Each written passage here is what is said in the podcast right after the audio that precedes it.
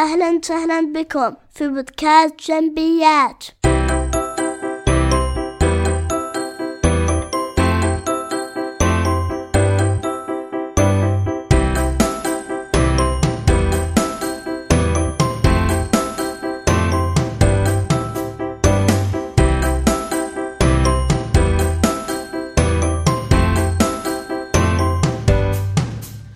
أهلا وسهلا بكم في بودكاست جنبيات بودكاست متخصص في المواضيع الإدارية. آه، يحييكم محدثكم أنور جنبي. هذه الحلقة التاسعة من من البودكاست. آه، والحلقة التاسعة سوف نتناقش حول آه، نتناول بعض الأسئلة بخصوص ما ذكرناه في البودكاست الثامن والذي كان عنوانه عقود العمل. أتتني بعض الأسئلة أسئلة جيدة فعلا. فأحببت أن أجيبها آه، لكم ونتناقش فيها في هذا البودكاست. فنتكل على الله. السؤال الأول كان من أحد الأخوان حيث قال في سؤاله أيهما أفضل للمنشآت الصغيرة أن تكتب عقد ببنود قديمة أو عدم كتابة عقد نهائيا؟ مع العلم أن المنشأة فيها سعوديين ووافدين. شكرا على سؤالك الكريم آه، والسؤال الجيد. آه، حيث إنه باجابه له سنتطرق إلى أكثر من آه، من من من نقطة بما يخص عقود العمل آه، سؤالك يقول يسأل هل هل أكتب عقد ولا ما أكتب عقد؟ طبعا حسب نظام العمل يجب أن يكون هناك عقد بين صاحب العمل وبين الموظف من أول يوم يكون هناك عقد ياتي في أول يوم يداوم يكون هناك عقد نظامي مطابق للنموذج للعقد النموذجي الموضوع في موقع وزارة العمل ويوقع عليه الموظف. ويكون هذا العقد طبعا مذكور فيه جميع البنود الأساسية من اسم صاحب العمل والموظف وبداية العقد وكم مدة العقد نوعه. ومسمى الوظيفة مكان التعيين إلخ من من من البنود التي يجب أن يتضمنها العقد. الآن بالنسبة هل هل هل أستطيع أن أختار بأن أنا أكتب عقد أو لا أكتب؟ لا طبعا لا. آه، نظاما يجب أن يكون هناك عقد نظامي في من أول يوم.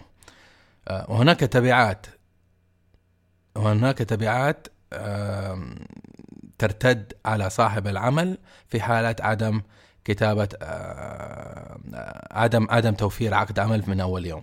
وهذا نقطة مهمة يجب يجب أن ينتبه لها صاحب العمل. فنصيحتي آه، وإجابة باختصار يجب أن آه، تحرص أن تضع عقد عمل. ومسألة أنه الموظف يشتغل من غير عقد عمل لأي سبب كان هذا غير مبرر وغير صحيح.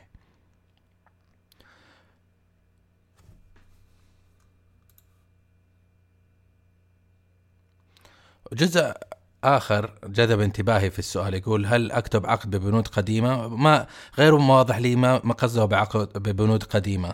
آه عقود العمل يجب أن تتماشى مع قوانين قوانين مكتب العمل. مع قوانين وزارة العمل ومع آه تنظيمات العمل. يجب أن تكون مطابقة ومتماشية وأي بند مخالف لقوانين العمل هذاك ذاك البند يعتبر آه باطل ولا يؤخذ به في الخلافات العمالية.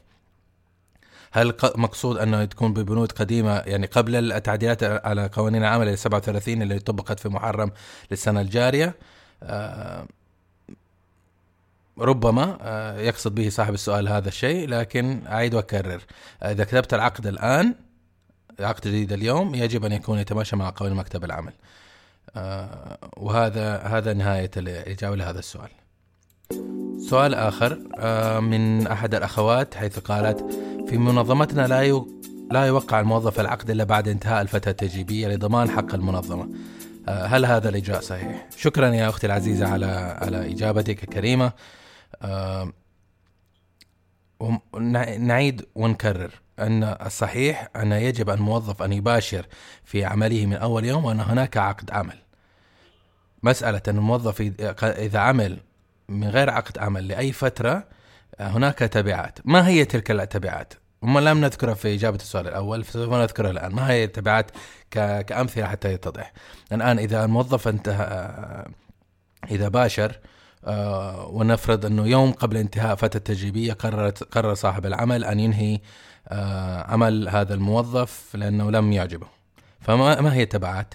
الموظف من الممكن أن يشتكي للخلافات العمالية لمكتب العمل ويقول أن آه، صاحب العمل أنهى عقدي وفي نفس الوقت لم لم يكن هناك عقد موقع بينه وبينه. في هذه الحالة يسقط حق الفترة التجريبية آه، لصاحب العمل. يعني إذا فصلته ما تقدر تفصله في الثلاثة شهور. في الثلاثة شهور أو الستة شهور إذا حبيت تمد إذا مدت ليش؟ لأن من الشروط الأساسية في أن هناك فترة تجريبية أن يكون مذكور صراحة ومحدد المدة لفترة تجريبية في العقد. فإذا ما كان في عقد أو إنه هذا الفترة التجريبيه غير مذكورة في العقد حتى لو كان موقع والفترة التجريبيه غير غير غير مذكورة فهذه الحالة الفترة التجريبيه تسقط. وليس من حق صاحب العمل أن ينهي آه العقد. وإذا أنهى العقد أصر أن ينهي العقد ففي هذه الحالة هو ملزم أن يدفع مرتبات لآخر الفترة إن كان آه قد أسند قراره لإنهاء العقد لأسباب غير آه مشروعة. أما إذا كان لأسباب مشروعة هذا هذا شيء آخر آه، ولا ينطبق على موضوعنا اللي نتحدث عنه. فهذا مثال. تبعات تحدث إذا أنت لم توقع عقد من أول يوم. الموظف طبعا من غير عقد سيثبت إنه كان يعمل لديك باستخدام آه، كشف حضور آه، باستخدام مرسولات بين بين صاحب العمل والموظف. تثبت إنه هناك خطابات إنه عليك أن تباشر في اليوم هذا أو تباشر في اليوم هذاك أو حتى مراسلات داخلية خلال خلال فترة العمل. تثبت أنه كان يتلقى التعليمات. كشف حساب البنكي أيضا يمكن أن يستخدم كإثبات أنه كان يستلم مرتبه من منظمه منظمة صاحب العمل فتره في طوال الفترة التجريبية أو فترة العمل. هاي تثبت أنه كان على رأس العمل. إذا ضاف صاحب العمل الموظف أيضا للتأمينات يستطيع أن يستخدم التأمينات كدليل قاطع أنه كان على صاحب على على رأس العمل. فلا يحتاج الموظف أن يكون هناك أن يكون هناك خاصة إذا كان في خصوصا إذا كان مواطن فلا يحتاج أن يكون هناك حرفيا عقد لأنه يمكن يستخدم أدلة أخرى تثبت وتنطبق النموذجي ينطبق في هذه الحالة وتحمي الموظف الطرف الضعيف في العقد. سؤال آخر من أحد الأخوان يقول: هل يجيز العرض الوظيفي مكان العقد؟ سؤال جميل. طبعا الإجابة وقطعا لا. العرض الوظيفي عرض وظيفي.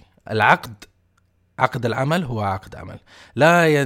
لا يتطابق الاثنين في أي آه، خصلة أو صفة أو أو ولا يجيز أحدهما على الآخر. آه، العرض الوظيفي لا يجيز أو ينيب عن وجود عقد العمل، يجب أن يكون هناك وثيقة مكتوب عليها عقد عمل وتكون متطابقة للنموذج العقد العمل النموذجي المشترك الذي عممته وزارة العمل آه، ويستخدم كعقد عمل يعرف العلاقة بين آه، صاحب العمل وبين الموظف. وكمثال آه، هناك منظمات كثيرة عندما توظف موظف في منظمتها آه، لسبب ما ولتجهل في النظام أو اتباع أنظمة ورثتها عن أجيالها القابله الماضية.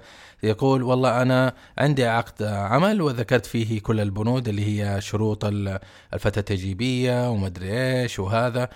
نعم صحيح. قد ذكرت فيه الرواتب مرتبات وكل شيء. نعم صحيح أتفق معك لكن ما زال العرض الوظيفي ليس عقد عمل لأنه لا يطابق آه، النموذج العقد الوظيفي النموذجي من الوزارة. هو العرض الوظيفي هو عرض وظيفي. آه، ذكرت فيه رؤوس أقلام عن طبيعة المرتبات والبدلات والفوائد والمكان الوظيفة. ذكرت الأساسيات حتى تقنع هذا الموظف أن يوقع معك عقد. فعندما يباشر معك يجب أن يوقع العقد. إذا وافق على عرضك الوظيفي يجب أن توفر له عقد عمل وتعطيه يوقع عليه وتعطيه نسخة من ذاك العقد وتحتفظ أنت بنسخة آه، كإثبات لهذه العلاقة. سؤال من أحد الأخوان يقول ما تبعات عدم توقيع عقد عمل؟ كما ذكرنا في السؤال الماضي هناك تبعات كثيرة ممكن أن تحدث منها آه، في حالة إذا ساءت العلاقة بين الموظف والعامل. إذا كانت علاقة مثالية وكمل الموظف في العمل مع صاحب العمل في الغالب ليس هناك تبعات. لكن في أسوأ الأحوال إن آه، حدث آه، رغبة في إنهاء العقد أو ساءت العلاقة لأي سبب بين صاحب العمل وبين الموظف يستخدم موضوع عدم توقيع عقد في الغالب يستخدم لصالح الموظف لأنه واجب على صاحب العمل أن يوفر عقد آه، يعرف العلاقة بين الموظف وبين هذا آه، العامل أو الموظف بين صاحب العمل وبين الموظف. آه، في حال تعنت صاحب الموظف من أن يوقع عقد عمل بينهم أو يجعله يعمل بدون عقد نهائيا أو آه، يوقع عقد ويحتفظ به له لنفسه. هناك هذه إجراءات آه، خاطئة آه، وليس لها مبرر ما منها فائدة. يعني النظام يحميك يا صاحب العمل أصلا واساسا. إنه في فتره تجريبيه يمكنك ان تنهي العقد بدون مبرر بدون تبعات بدون تعويضات بدون أي شيء. تخبر الموظف أنك أنت لم. قررنا أن ان أن أن ننهي العقد في فترة تجريبية آه، وانتهى الموضوع ويذهب كل طرف من أطراف العقد في حال سبيله آه، بدون أي تعقيدات ودون أي آه، تبعات. فإذا كان الشيء غير م... ليس له مبرر مقنع طبيعي لا تفعله. وهذا وهذا رأيي في هذا الموضوع. سؤال آخر من أحد الأخوان يقول: هل يصح أن نذكر في العقد ان الفترة التجريبيه 180 بدل ان نذكر أنه 90؟ كما ذكرنا في آه، البودكاست الثامن أن عقد الفترة التجريبية هي 90 يوم ثلاثة أشهر 90 يوم آه، وفي حالة الرغبة في التجديد يجدد عن طريق آه، ورقة اتفاق موافقة من العامل الموقع أنه يوافق أن يمدد الفترة التجريبية طبعا تبعا لرغبة صاحب العمل لكن إن شمل هذا الشيء من أول يوم بدل أن يذكر في العقد ثلاثة شهور أو 90 يوم ثم بعد ذلك آه، يوم قبل نهاية فترة التجريبيه يكون يقدم خطاب ليوقع الموظف بموافقته على تمديدها لثلاثة شهور أخرى. آه، بدل هذا اختصار الموضوع في العقد العمل الرئيسي. عندما يوقع العامل عليه أو الموظف عليه آه، يذكر بند أنه 180 يوم فترة تجريبية. هل توافق؟ على العقد بما فيه هذه المادة ويوقع الموظف على العقد. إذا وقع الموظف على العقد في هذه الحالة طبعا الإجراء صحيح ولا ولا في نظري لا غبار عليه. وقبل أن ننهي بودكاست هذا اليوم لنتذكر معا عبارة مهمة وعبارة جدا معروفة لدى الجميع العقد شريعة المتعاقدين. العقد هو ما يعرف العلاقة بين الاثنين وماذا يجب على على صاحب على الموظف أن يفعله آه، نظير الأجر. ينظم علاقتهم ينظم واجباتهم وينظم العلاقة بينهم وحتى الأحكام التي يرجعون لها. يجب أن يكون العقد موجودا يجب أن يكون العقد صحيح يجب أن يكون العقد موثق. العقد موضوع مهم ويجب عدم التهاون فيه مهما كان يبدو للكثيرين وفي الأحوال الكثيرة أنه روتيني. هو ليس روتيني لكن هو نقطة البداية في العلاقة بين الطرفين صاحب العمل وبين الموظف. وإلى هنا نصل إلى نهاية حلقة آه، أخرى من بودكاست جنبيات الحلقة التاسعة. آه، وندعوكم إلى زيارة مدونتنا جامبي dot ME لتجدوا فيه هذا البودكاست والبودكاست ذات الحلقات السابقة وتدوينات قالات مختلفة في الإدارة وفي التسويق وفي المبيعات وإدارة المواد البشرية وقوانين العمل وأيضا دروس آه، في الاقتصاد الجزئي. الكثير من المواضيع المتنوعة في المدونة ستجدون به إن شاء الله كل فائدة. تابعونا بإذن الله على تويتر وفيسبوك وإنستغرام. حتى نظل على تواصل وإذا إن كانت عندكم أي استفسارات في هذا الموضوع حلقة هذا اليوم أو أي موضوع آخر يسعدنا أن نتواصل معكم بل نتطلع إلى ذلك. إلى لقاء آخر في حلقة أخرى من بودكاست جنبيات. يودعكم محدثكم أنور جنبي. في أمان الله.